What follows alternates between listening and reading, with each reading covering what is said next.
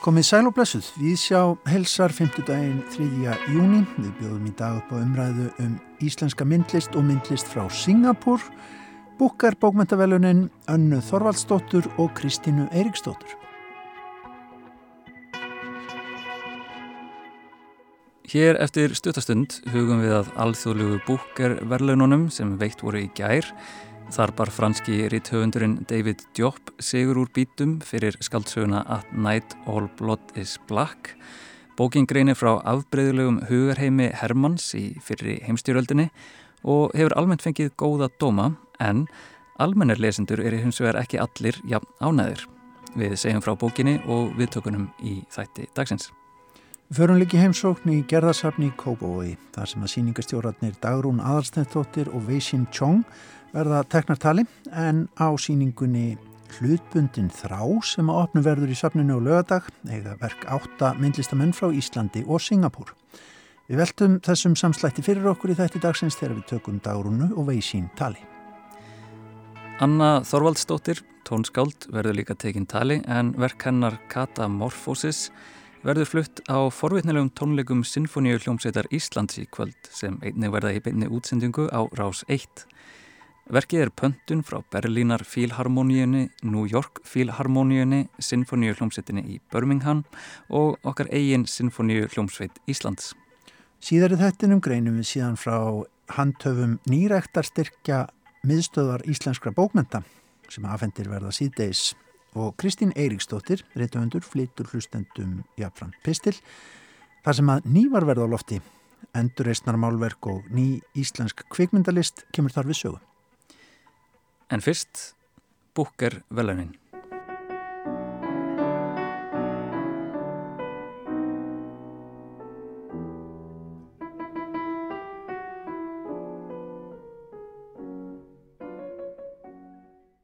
Í gær, þann annan júni, var tilkynntum verðlun að hafa alþjóðlegu búkerverðlunana fyrir árið 2021. En þau verðlaun voru sett á stopn árið 2004 og veittu þá höfundum sem þýtur hafðu verið á ennsku verðlaun annað hvert ár fyrir höfundaverksitt. En árið 2016 var fyrirkomulæginu breytt þannig að aðeins ein bók sem þýtt hefur verið á ennsku og gefin út í Breitlandi eða Írlandi hlýtur verðlaunin hvert ár. Velunafið er ekki af verri endanum en það hljómar upp á 50.000 pund eða um 8,5 miljónir íslenskra króna sem höfundur vinningsbókarinnar skiptir með þýðanda sínum. We need translated fiction. If we are to fully engage with people from non-English speaking cultures, we must be able to enter their imaginations. Lucy Hughes Hallett, formaður domnemdar, veitti verlunin í gær og í ræðu sinni, sem við heyrðum hér í, ítrekkar hún þá sérstöðu skaldskaparins að veita okkur insýn í líf og menningu fólks og samfélaga.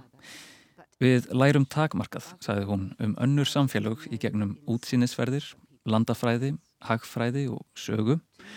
Tónlist, kvikmyndir og sjónlist opna augu okkar og eiru en það er aðeins skaldskapurinn sem sínir hvernig aðrar manneskjur hugsa. Í ræðunni ítrekkaði hún einnig mikilvægi þýttra skaldverka, sérstaklega á tímum sem þessum, þar sem heimurinn er að miklu leiti lokaður, en í gegnum þýttar skaldsögur getum við ferðast um heiminn heima. Þýðenda hlutverkið, samkvæmt Hughes Hallett, er það hógværasta og hlétrægasta í rillistónum. Bestu þýðendurnir gera sjálfa sig ósynilega en eru samt bráð nöðsynleir. Translation is the most modest and self-effacing of literary arts. The very best translators make themselves invisible, but they are essential. Seks bækur voru tilnemdar til alþjóðlegu búkar verlaunana í ár en það voru bækurnar The Dangers of Smoking in Bed eftir Mariana Enríquez þýtt af Megan McDowell When We Cease to Understand the World eftir Benjamin Labatut í þýðingu Adrian Nathan West. The Employees eftir Olgu Ravn í þýðingu Martin Aitken. In Memory of Memory eftir Mariu Stepanovu í þýðingu Sasha Dugdale. The War of the Poor eftir Erik Willard í þýðingu Mark Polizzotti.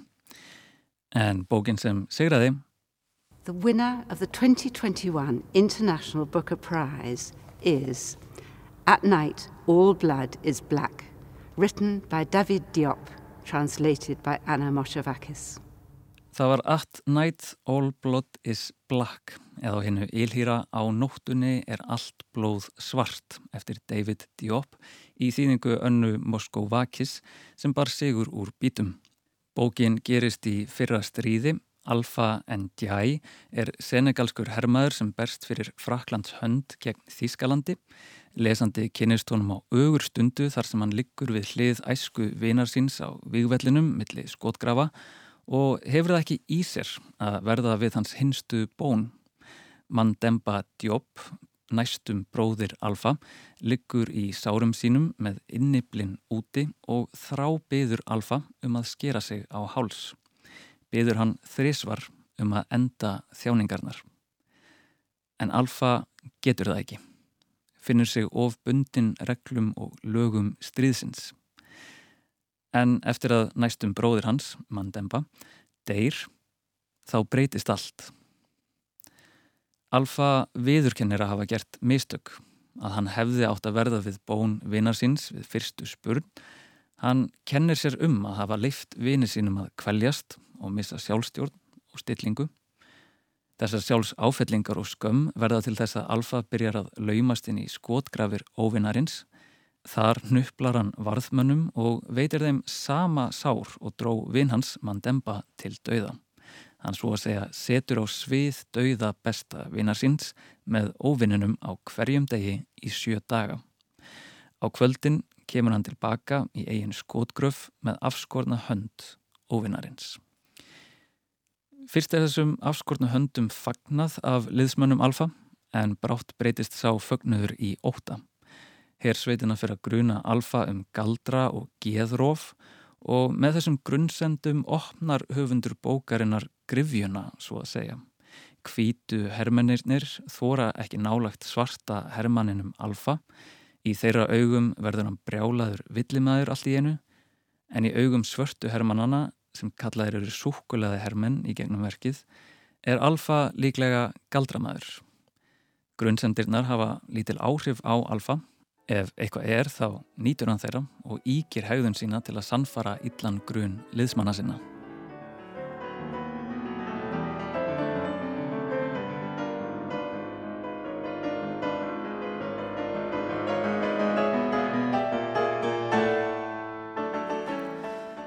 Bókin At Night All Blood is Black er mjög ljóðræn. Hún er falleg í ljóðleika sínum. Harður heimur stríðs og átaka er settur fram á skrautlegu máli út frá fyrstu personu Alfa Ndiaye. David Jobb notast mikið við endurtekningar, þá sérstaklega í lýsingum á fólki og oft ítrekka þær lýsingar valdmannisku eða sína fordóma Alfa fyrir henni. En höfundur notast einnig mikið við tvískiptingu og andstæður. Það sem er inni er úti og það sem er úti er inni. Innibli Mandemba leika út, bissukúlum er skotið út og inn í hold, manneskjur fara inn í manneskjur, bæði efnislega, þá í gegnum kynlíf og andlega. Það er deyja, fjara út en það er virðast líka að lifa inn í hverri annari, þá sem minningar eða sem áhrif og aftur völd. Skaldsagan hefur fengið einróma lof gaggrínenda. Það er þetta enginnilega hugar ástand alfa sem höfundur veitir aðgangað sem sannfærir. Það er eins og samkjönd bókarinnar sé með ílsku aðalpersonunar. Sem lesandi fær maður að sjá andlegu sárin hans og skilur þar af leiðandi ástand hans og líðan að ykkur leiti en á sama tíma fordæmir maður hugsun hans og hegðun. Og það er þaðan sem helsta neikvæða gaggrinni á bókina sprettur. Hún kemur ekki svo mikið frá gaggrinnendum blada og netmila, heldur frá lesendum. Konur í bókinni eru aðeins settar fram í samhengi við þá karla sem það reyga í samskiptum við og verðast ekki hafa neitt annan tilgang en að uppfella kynferðslega langanir. Ég var ekki hrifin af hlutverki kvennlíkamanns í þessari sögu. Skotgröfunum er líst þannig að það er opnist eins og sköp konunnar og það er einum og margar lýsingar á inniblum sögupersonunar alfa verandi inni í konum Þessar glefsur koma frá bókmenta áhuga manna vefsíðunni Goodreads. Þetta eru auðvitað skoðanir en ástæði þess að ég síni þar hér er að þegar ég las þessa bók var ég sjálfur alls ekki hrifin af flutverki hvenna í bókinni. Leið eins og hven personunar væru ekki sjálfsverur. En kannski er það ætlun höfundar. David Job er vissulega að skoða heim karlmennsku stríðs og ílsku í gömlu samfélagi. Hann er að hætta sér á hættulegar slóðir, að staðsetja lesanda inn í mjög trublaðri mannesku sem tilbúin er að myrða og nöðga og því er kannski ekki skrítið að svo manneskja hlutgeri konur. En það virðist eins og er svo litið óljóst hvort þetta sé ætlun höfundar eða ekki. Þar af leiðandi skildi bókin mig eftir með þessar klassísku 21. aldar spurningar á vörunum. Hversu langt má ganga í framsetningu á karlmennsku í gömlu samfélagi? Hversu langt má karlmaður ganga í framsetningu á karlmennsku í gömlu samfélagi? Það er að segja, má karlmaður skrifa svona um konur í dag? En hvað með allir sem morð og limlestingar er í lægi með þær? Geti verið að ég sé tebram? Og þegar öllu eru á botnin kvöld má allt í skaldskap. Og kannski eru þetta einmitt spurninganar sem alþjóðlegu búkarvelunin eru að vekja máls á þetta árið. Eins og Lucy Hughes Hallett, formadur domnendar, myndist á, þá er það jú aðeins skálskapurinn sem sínur okkur hvernig aðrar manneskjur hugsa. At Night, All Blood is Black eftir David Diop veitur okkur sannlega þessa insýn og spyr í leiðinni kannski mikilvægustu spurningarinnar. Hversu falleg getur ílska verið?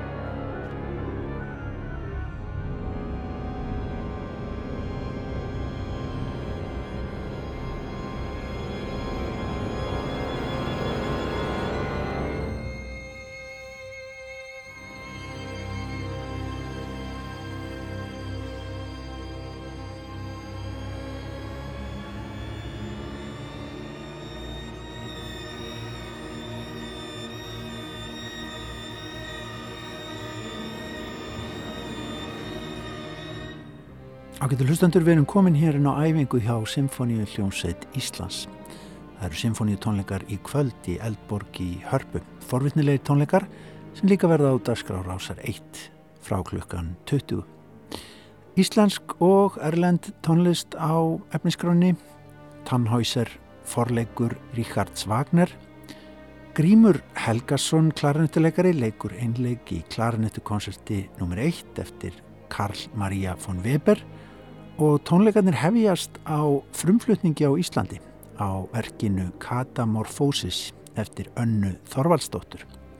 Anna Þorvaldsdóttir er einn af okkar allra fremstu tónsmiðum í samtímanum í dag. Hún er komin í þá stöðu að þegar hún skrifar stór hljónsutaverk eins og þetta Katamorphosis þá er á bakvið pöntunina sumar af helstu symfóníu hljónsutum veraldar og jú líka okkar eigin ágæta Symfóníu hljómsveit Íslands. Við tröfluðum önnu örstutt eftir æfingu nú í vikunni, fengum hana til þess að segja okkur frá verkinu.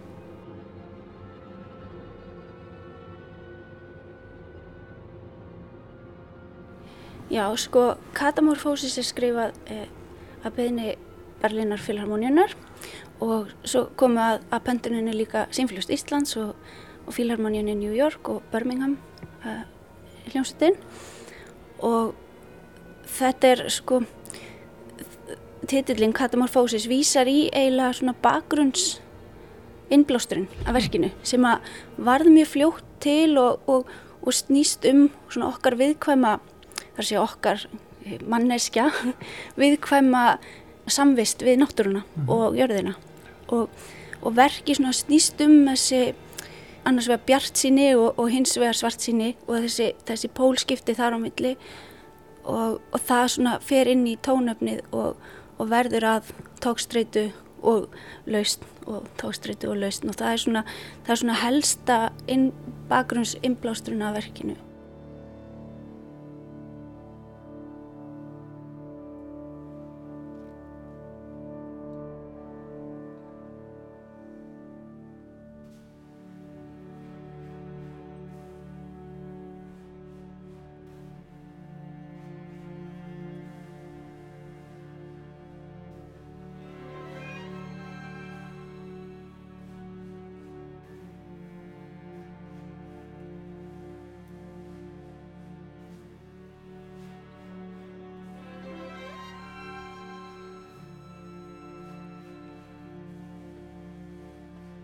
Já, þetta er náttúrulega eitthvað sem við könnumst öll við. Við hérna, sveiflumst aldrei millir daga þess að bara í hérna, bjartsinni og svartsinni þegar það kemur á þessum stóru, stóru málum.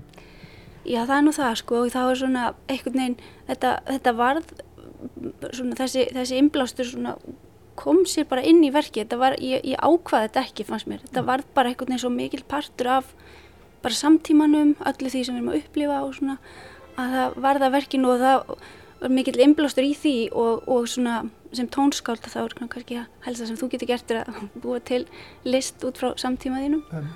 og, uh, og það, og það vil, vil til að þú veist það er að það svona, rýmar mjög vel við tónlist að, að byggja upp tókstreitu og, og leysa hana upp. En, en, en ég er svona hef, er, í verkinu er mikil von. Þar að segja að það er rosa mikil bjart síni líka sem að mér finnst um, svona maður verður að hafa trú á. Sko við auðvitað sjáum alls konar listaverk takast á við þetta þessi svona stóru já, svona já, existensialísku spurningar sem að mannkinniðilega stendur fram með fyrir. Finnst þér nútíma tónlistin eða þess að samtíma músikin í dag geta lagt til í, í hérna þessu umræðu? Sko hún getur það bara að því leiti sem að, sem að í rauninni list getur þar að segja ef þú ert ekki að skrifa texta þá getur þú náttúrulega aldrei útskýrt með, með bókstaflega hvað þú átt við en sem er náttúrulega manneskjur sem erum lifandi ákveðin tíma þá erum við náttúrulega alltaf að kljást við okkar bæði okkar eigin vist í okkar umhverfi og, og heiminn eins og hann er og eins og við sjáum hann fyrir okkur mm. þegar við förum en þannig að vissuleiti já, auðvitað getur við það með listaverkum en en við getum það náttúrulega ekki beinlýnis í gegnum tónlistin tónlistin einn segir aldrei þess að sögu. Mm. en hins vegar en hins vegar þá hef ég oftar en einu sinni heyrt að fólk einhvern veginn lýsa upplifun af, af tónlist sem svona upplifa náttúru og, og svona í tónlistinni sem, að, sem er mjög hérna áhrifuríkt þannig að mér finnst alltaf náttúrulega auðvitað er það hlustandans að, að koma og upplifa tónlistin á sinn einn hátt. En, en við sem listamenn náttúrulega setjum okkar okkar svona bakgrunns uh, fingrafur á, á verkið mm. en þannig að vissuleiti já en að öðru leiti þurfum við náttúrulega að tala um það meira Nú ertu búin að vera að fylgja þessu verki eftir og, og ég manna, þú sast hérna á þann ég var að fylgjast með þér, þú varst svona stundum alveg við að fara nánasta stjórnarljóðstinni þú verður á sko 20. bekk eða eitthvað, eh, eh, sko lifir þið mikið inn í inn í undibúning og svona þegar þetta er komið á æfingastig Já sko það er náttúrulega þannig að tónlistin hún býr alveg inn í, inn í manni sko, ég er náttúrulega, hún verður til þar og hún fer aldrei þaðan, þótt að náttúrulega síðan þegar þú ert með hljómsýttarverk þá ég spila ekki sjálf heilt hljómsýttarverk, þannig, þannig að maður sest þarna og, og er, er svona innlifaður í það sem er að gerast. En, en það sem ég finnst náttúrulega svo dásanlegt ymmit við að skrifa svona stórverk er að það koma saman allir þessir einstaklingar til að skapa þessa heild og það er svo áhrifamikið mm. og dásanlegt og þetta er bara svo uh, það verður til svona orka sem er alveg sérstök og sérstaklega líka að upplifa það ástæðnum þannig að já, ég er, ég er mjög mikil partur af æfingunum og, og, og svo bara eins mikil partur og, og þarf fyrir uh, hljófralegarinn og stjórnandan mm -hmm en já, tónlistin lifir náttúrulega inn í manni eftir að hafa gert þetta. Maður sér líka þegar þú kemur svona fram eftir æfingu þá, þá koma hérna einstaka meðlumir úr hljónstinu og spyrjaðu út í eitt og annað styrk og, og þannig, ekki það það lítur alltaf alveg skemmtilegt. Þetta er bara, alveg, þetta er bara best í heimi. Það er bara alveg dásanlegt að vera í þessu samtali við fólk og vera í þessu sköpunafærli með fólki því að það er sama hversu nákvæmlega tónlistin er skrifu og ég skrifa mjög nákvæmt út að þá er alltaf pláss fyrir einstaklingin og, og þeirra sköpun í hverju einasta verki og það er það sem gerir svona samvinnu svo ótrúlega dýrmæta og sérstaklega.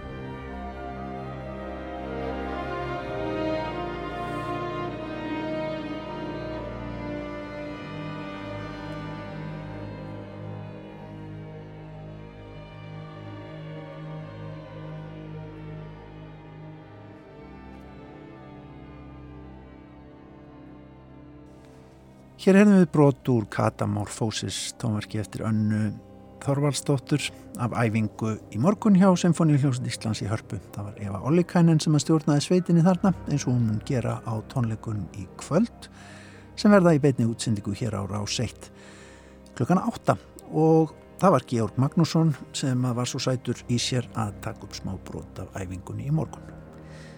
En þá er hinga komin Kristín Eiríksdóttir, riðtöfundur sem talar hér í viðsjá þessar vikunar um skrif frá ymsum sjónarhórnum. Það eru nývar á lofti hjá Kristínu í dag. Nýlega fór ég í bíó og sá einstaklega góða kvikmynd eftir Kristínu Jóhannesdóttur. Kvikmyndina Ölmu sem enn má sjá í háskóla bíó og ég hvet fólk endreiði til þess að missa ekki af henni. Í myndinni kemur fyrir málverk Artemisiu Gentileschi af Judith Drepa Holofernes. Artemisia Gentileschi var ítalskur barokkmálari sem fættist rétt fyrir aldamótin 1600 en það eru fleiri en hún sem hafa málað Judith skera höfuðið af Holofernesi. Hjá Botticelli heldur Judith opinmynd á höfuði Holofernesar svolítið eins og bjöllu sem hún dinglar í loftinu. Hún er stórglæsileg hjá Kristófani Allori í leitríkum klæðum og skartar höfði í hólófernesar svo litið eins og fylgilut. Á málverki eftir Lukas Kranak liggur höfuð hólófernesar á borði og Júdit stendur þar hjá og virðist vera að rifja upp innkaupalista á meðan hún rótar í hárlokkum þess með hanskaklættri hönd. Á málverki Orazio Gentileschi, föður Artemisiu, liggur afskorið höfuð Holofernesar friðsælt á svip í körfu sem kvílir í höndum jútitar og öbru sem stara út í loftið og eru einna helst eins og þær hafi hyrt svo litið þrösk. Abra var vinnukona sem hjálpaði jútit að skera höfuðið af Holofernesi og hún er oft með á myndunum. Stundum ber hún höfuðið í körfu og einum stað sá ég hann að bera höfuð hólófernisar ofan á höfðinu á sér. En ég varði eitthvað upptikinn af andlitinu á Jútit á öllum þessum myndum. Hún er stundum svo stóísk eða kannski eins og hún sé í raun að gera eitthvað annað en að skera höfuðið af hólófernisi. Hún gerði það annars ekki að gamni sínu heldur til að bjarga sínu fólki en Asseríu maðurinn Holofernes ætlaði að gera innrás í borgina hennar Betúliu engu tíman fyrir óralöngu og um allt það má lesa í jútitabók. Hún beitti vist fyrir sig personutöfrum og áfengi og kom sér þannig inn í tjaldið hans þar sem hún brá á loftsverði sem hefur verið málað í jafnmörg skipti og höfu þeirra Holofernesar hafa fengið að mætast í gegnum tíðina. Frægustu verkin sem sína Jútið drepa Holofernes er málverk Artemisiu Gentileschi og svo auðvitað málverk Caravaggio af Jútið afhöfða Holofernes sem er frá sama tíma. Í meðförum Caravaggio setur Jútið í brittnar og er meðvitið um það sem framfer. Hún er að gera eitthvað mjög hrigalegt. Abra er alltaf í grimmilega sveip þar sem hún býður með klæði millir handana eftir að höfuðið skoppi til hennar en samt trúið ég ekki alveg að Júdith sé að skera höfuð af manni. Hún stendur of langt frá honum og er svo litið eins og hún sé að pota með preki í snák eða leysa erfitt starfræðdæmi á meðan pína holofernisar er mjög trúverðug. Svo horfi ég á Júdith Öbru og holofernis Artemisiu Gentileschi og ég sé tvær konur sem hefur tekist með erfiðismönnum að yfirbuga stóran sterkan karlmann vegna þess að þær þurfti þess. Abra heldur höndunum á honum í skorðum á meðan Jútit ítir andlitinu á honum frá sér og dregur sverðið yfir hálsin á honum í áttina til sín. Gaslight heitir kvikmynd byggð á samnæmdu leikriti eftir Patrick Hamilton sem synd var í bandaríkjunum árið 1944 í leikstjórn George Cukor. Í upphafi myndar bríst innbrottsþjófur að nafni Sessi Bauer leikin af Charles Boyer inn á heimili heimsfrægrar óperusöngunu sem heitir Alice Alquist. Þjófurinn drefur söngkonuna en áður en honum tekst að finna dýrmættur úpínana sem hann leitar kemur ung stúlka að honum og trublar hann. Unga stúlkan heitir Paula Alquist og Alice Alquist var móðusistur hennar og einnig forðamaður en Paula er munnaðalus. Mörgum árum setna þegar Paula, leikin af Ingrid Bergman, er orðin fullorðin, giftist hún manni að nafni Gregory Anton, þrátt fyrir að hafa ekki þekkt hann um í nokkra vikur. Hann krefst þess að þið flytti til London og komið sér fyrir í húsi móðusistur hennar sem hefur staðið aukt síðan morðið var framið þar inni. Þegar þið koma í húsið leggur Gregory til að þið láti pakka eigum söngkonunnar og koma þeim í gemslu á háaloftinu en fyrir þessu gefur hann þá ástæðu að það sé slæmt fyrir Pólu að vera í kringum þessa hluti sem hljóta að framkalla erfiðaminningar á morðinu og frængumissinum. Þegar Póla er að blada í bók frá frængusinni og finnur bref frá manni að nafni Sessi Bauer, trompast Gregory í fyrsta skipti síðan þau kynntust. Hann afsakar síðan reyðikasti þannig að hann hafi farið í svo mikið uppnám vegna þess hversu erfitt þetta hafi verið fyrir Pólu þegar frænga hennar var myrt. Eftir að þau eru flutt inn í húsi teku myndin á sér stefnu sálfræðitrillis þegar Póla týnir nælu sem var gjöf frá Gregory þrátt fyrir að hafa passað alveg sérstaklega vel upp á hana. Mynd hverfur að vegg og Gregory segir að Póla hafi fært hana. Hann segir henni líka að hún sé að fela hluti og fjarlæga sem Póla kannast ekki við. Póla þekkir engan í London og er einangruð, getur því ekki spekla sig í fleirum en einmanni sínum sem heldur áfram að ruggli henni. Gregori kveður hana á mótnana og þykist fara út en felur sér raun í húsinu og rótar í eigum óperusönkununar á háaloftinu í leita rúpinum. Póla heyrir umgang og lýsingin frá gaslampunum flöktir en þegar Gregori kemur heim eins og sóper málsvari umheimisins segir hann henni að hún sjá í ofsjónum heyri ofirnir. Hann telur henni líka trúum að hún sé með stelsíki en markmið Gregori er að losa sig við Pólu undir því yfirskinni að hún þurfu að dvelja á gæðveikrahæli en þannig myndi hann eignast allar eigur óperusönkonunar og þar með rúbinana dýrmætu sem Póla trublaðan í að finna öllum þessum árum áður en auðvitað er Gregori Anton sjálfur Sessi Bauer, einbróst þjóðurinn sem myrti frængu hennar. Nafngift sálfræði hugtagsins gaslæting eða gaslýsing kemur hérðan og flöktið í lömpunum stendur fyrir andlegt ábeldi, eitthvað sem virðist ótengt, saklaust en er í raun afdrjáðaríkt og skjálfilegt. Þegar Póla er hægt að sjá sína hlið þarf hún að trista á Gregori og þannig nær hann völdum með því að bylla og steipa.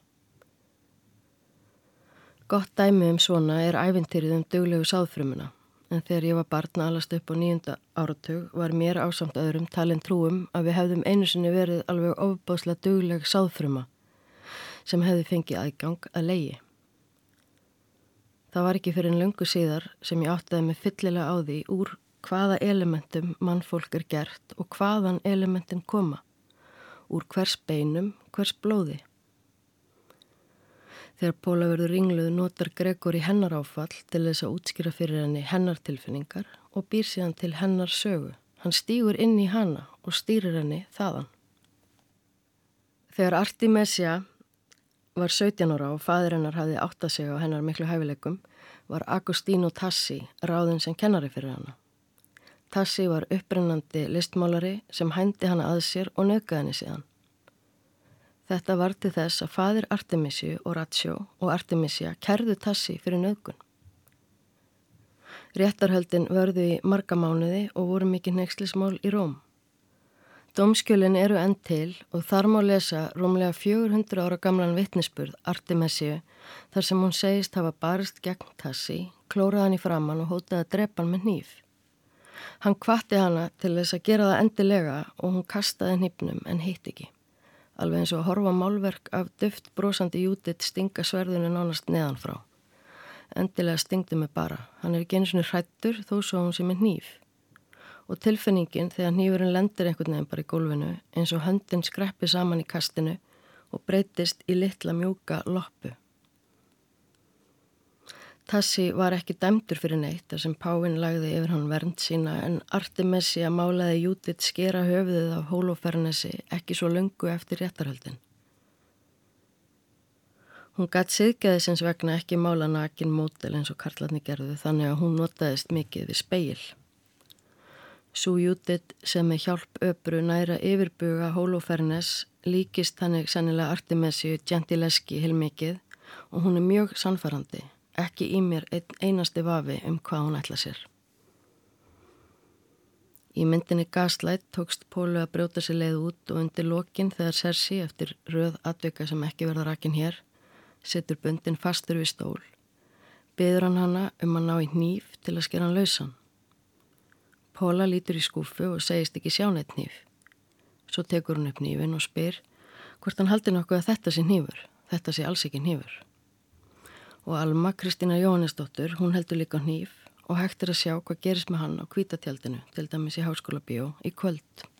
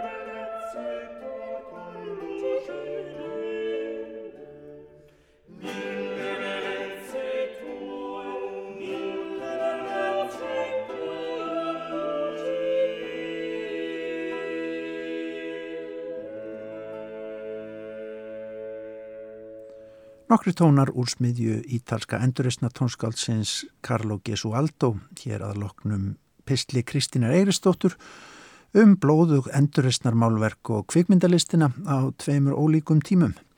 Kristín fjallar aftur um margskonar skrif hér í Víðsjá að tveimur vikum liðnum.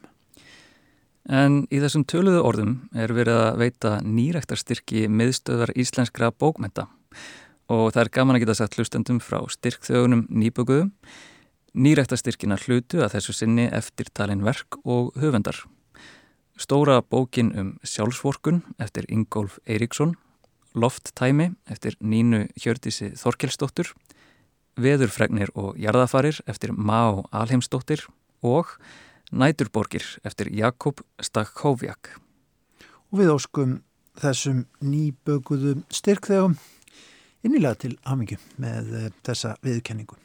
En þá ætlum við að huga að samtímalistinni og það er ekki bara íslenskri samtímalist heldur líka myndlist frá Singapúr við höldum í gerðarsafni í Kópavogi og tölum við Dagrúnu Aðarsteinsdóttur og Weising Chong. Dagrún hlutbundin þrá Já. myndlist frá Íslandi og Singapúr. Hvað, hvað getur þú sagt mér um tilur þessara síningar? Eh, sko, eh, síningin í rauninni byrjar út frá því að ég fer í mastersnám til Singapore að læra myndlist. Og hérna það var síningar í mig þar, Institute of Contemporary Art sem hafi mikinn áhuga að ég myndi koma með listamenn frá Íslandi og kynna þeins svona senuna þar því það er svo sjálfgeft að hérna, fá áhrif frá Íslandi til Singapore. Og mér fannst meira spennandi að búa til samsýningu sem myndi þá líka ferðast til Íslands til þess að skapa meiri samræður á millið þessar að tvekja eiga mm -hmm. síðkvorum hlutanum á heiminum. Hvernig þetta er í huga að fara til Singapúr að hérna, læra myndlist?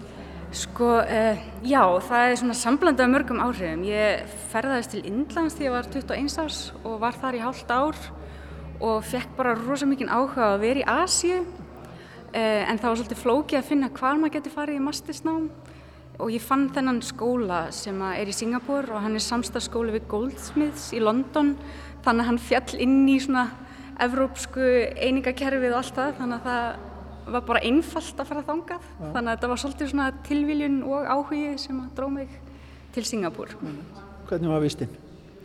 Ég bara, eftir á higgja er ég rosalega ánað að hafa farið þangað því það er rosalega mikil blanda af fólki í Singapúr frá bara mismunandi stöðum í Suðaustur Asju en líka bara í heiminum. Og maður fór inn í alls konar mismunandi umræður sem að maður hefði enga þekkingu af áður. Þannig að mér varst að opna alveg bara svona nýjan heim fyrir mér sem ég er mjög ánægð eftir að higgja á að farið þangað. En það var reyndi líka alveg á alls konar hérna mismunandi menning sem maður þurfti að aðlagast og mismunandi hýjarkýr innan myndlistarsinnunar sem er ekki á Íslandi.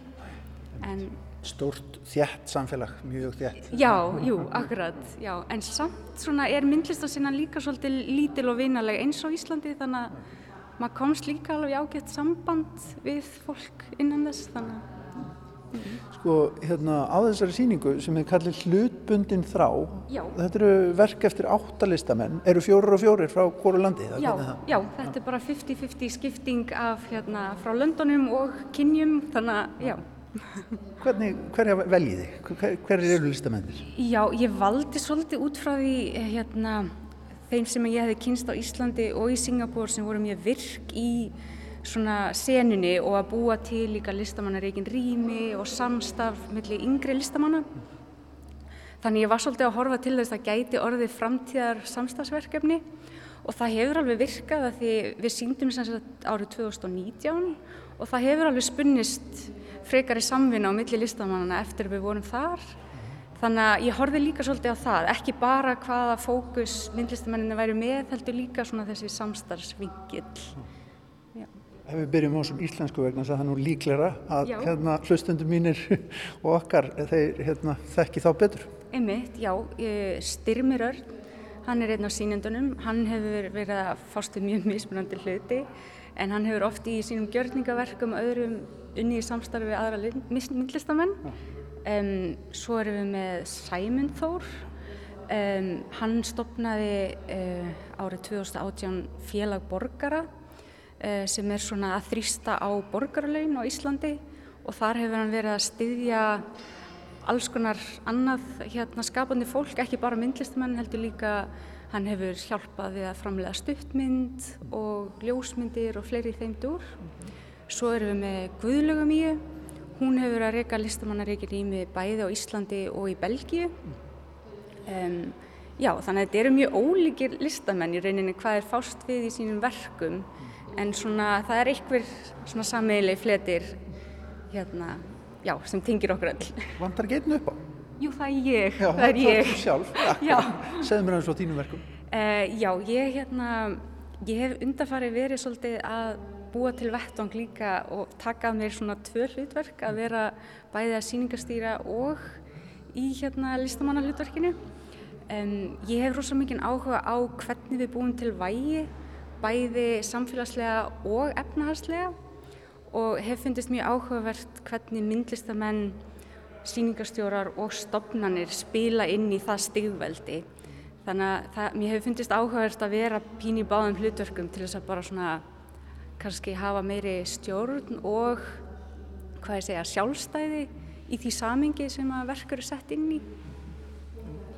Ég veit að það er svona ákveð koncept á baku þetta, hlutbundin Já. þrá, þú þarf aðeins að útskýra titilinn og kannski út frá, frá hugmyndafræðinu á baki. Já, ég skal gera það. Um, sýningin er tilraun til þess að skoða samband mannsins og hugmyndir hans um hluti og hlutgerfingu mm. og einni þau rými sem við búum til og þau sem hafa þegar verið sköpuð í gegnum söguna. Mm -hmm. ég var undir miklum áhrifum frá nýjum textum, heimsbyggilegum textum um efnishyggju mm. þar sem svona fyrri hugmyndir eru dregnar í efa þar sem fyrir hugmyndir um efnisíkju gáfi manninum kannski meira vægi og stjórn á svona hinnum efnislega heimi. Já og hérna ég var sérstaklega undir áhrifum eh, frá skrifum eftir hennar Söru Ahmed þar sem hún skrifar um hvað afstafa skiptir miklu máli eh, að því í rauninni er það endurtekinn virkni og þáttaka fyrir kynsluða sem hafa skapað ákveði vægi bæði fyrir hluti og rými. Og sögn og myndlist falla mjög undir þetta og mér finnst mjög áhugavert að bara að beina hérna fókusinum ekki bara að hlutnum sjálfum heldur af hverju hann er hérna og, og hvað, hvaða hérna fyrri virkni hefur skapað hérna þetta vægi sem að sögn hafa og myndlist. Það er ekkit sjálfsagt, það er ekkit uh hlutinir eru settir í ákveð samingi út á ástæðu, það er ekkit saklaust við störf sem eru unnin á, á hérna, söpnum til dæmis. Nei, akkurat og mér finnst mjög mikilvægt einmitt að taka þessi ekki sem sjálfsögum hlut og sérstaklega stigveldið sem fælst innan þessara stofnana og stigveldið sem það býr svo út, líka út í þann efnislega heim og, hérna, og, og það sem að Sara Ahmed einmitt líka fókusir á í sínum textum er að þessi fyrri kynnslóðir, þau virkni og endutekning sem að þau hafa skapað búa líka til rými þar sem ákveðni líkamar eru kannski þykja passa betur heldur en aðrir og hérna, þannig að það er mjög mikilvægt að efast um hérna, þetta vægi og spyrja spurninga hvernig við sköpum það. Saði Dagrún Aðalsteinstóttir en hinn síningastjórin á síningunni hlutbundin Þrá sem opnið verður í gerðarsafni á lögadag er eins og áður segir Wei Xing Chong, listakona og síningastjóri frá Singapúr. Þar búa tæpar 6 miljónum manna á landsvæði sem er ekki nema 730 ferkilometrar. Þetta er næst þjættbílasta búsvæði mannsins á jörðinni, ekkert mikið starra en kjósarsísla.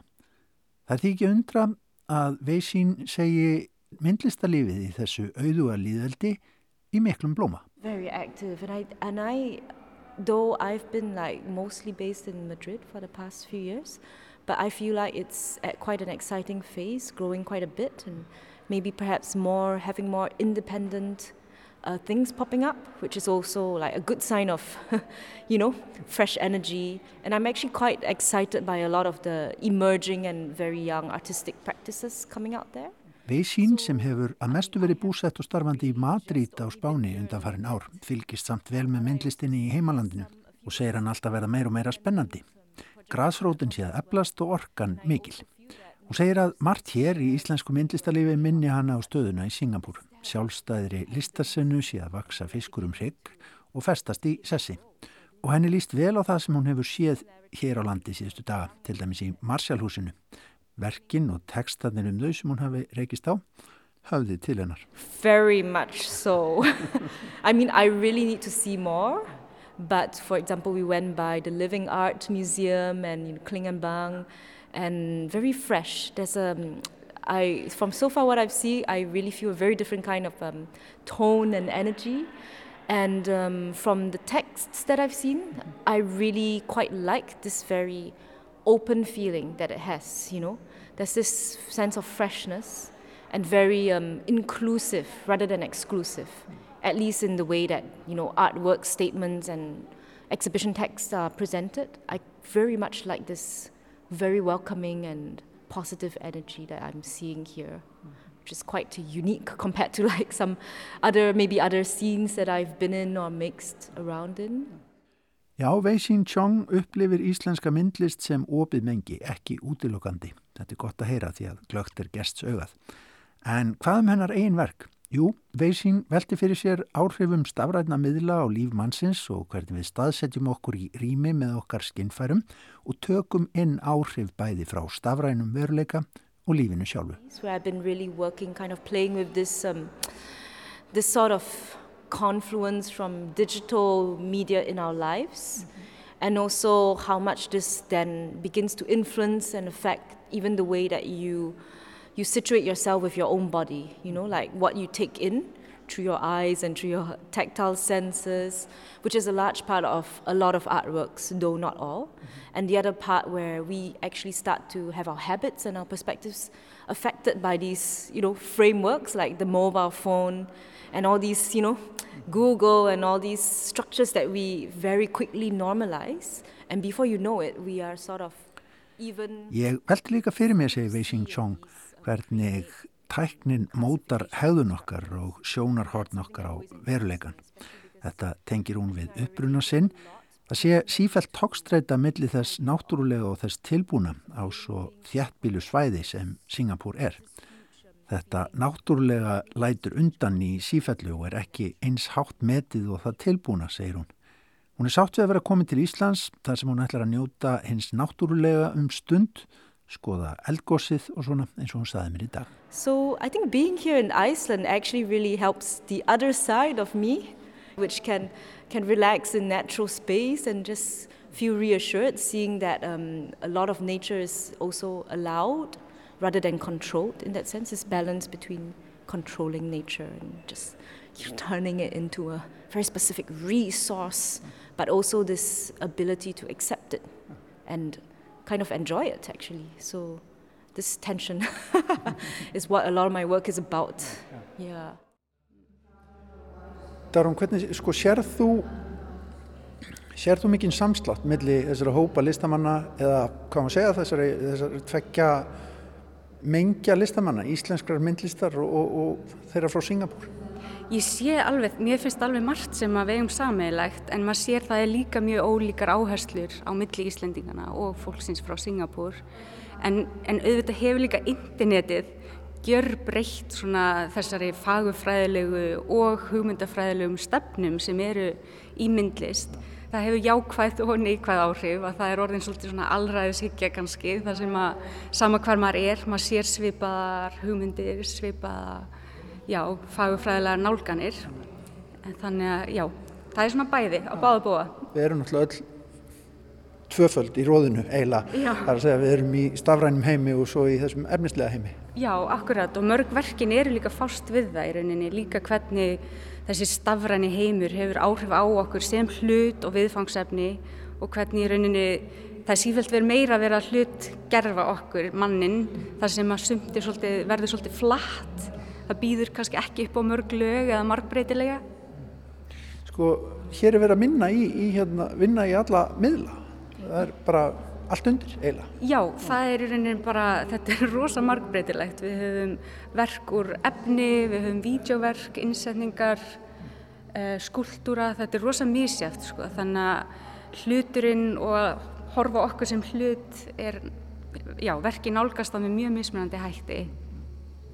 Heldur að verði meira samstarf millir Singapúr og Íslands þeir eru að reyna að rækta það? það hérna, manni finnst það aldrei skrítið, það er svo rosalega langt. já, einmitt, þetta er svolítið langt, sko. En já, ég held það. Ég og Veisin sérstaklega erum alveg, við erum byrjað að plotta ný verkefni, sko, og okkur finnst svo gaman að vinna saman. Þannig að, og maður sér líka sífælt meira, ég, ég er sjálf búsett í Bellin og maður sér sífælt meira, þú veist, að það er að koma rosa mikið áhrif frá Afríku og Asíu og þessum löndum sem hafa svolítið verið kannski snubbuð í gegnum myndlistasöguna. Þannig að mér finnst áhugavert að opna fyrir þær samræður líka á Íslandi. Þannig að Ísland getur verið svolítið hluti af þessu alþjóðlega, alþjóðlega umræði sem maður sér annar staðar eiga sér stað. Heldur betur og það hefur breyst bara heilmikið á, á síðustu 20 árum. Já, þetta er bara gjörbreytt landslag og, og Ísland kannski bara, sérstaklega bara undanfærið tíu ár hefur maður sér rosa mikla breytingu og mér finnst það ánægilegt að sjá að fólkina er mjög opið fyrir nýjum áhrifum frá mismunandi stöðum og frá mismunandi fólki og mér finnst bara gaman að geta rækta það. Takk hérlega fyrir spilin. Já, takk sem leiðist. Saði Dagrún Aðarsteinsdóttir. Við rættum við hana og Wei Xing Chong um síninguna hlutbundin þrá sem að verður opnuð á lögadag í gerðarsafni í Kópavogi, myndlist frá Íslandi og Singapúr slær þar saman. En meira verður það ekki að sinni. Við sjá verður hér aftur á mánudaginn klukkan 16.05 en við minnum á úrvalsþáttin á sunnudaginn klukkan 14. Takk fyrir samfélgin í dag, verið sæl.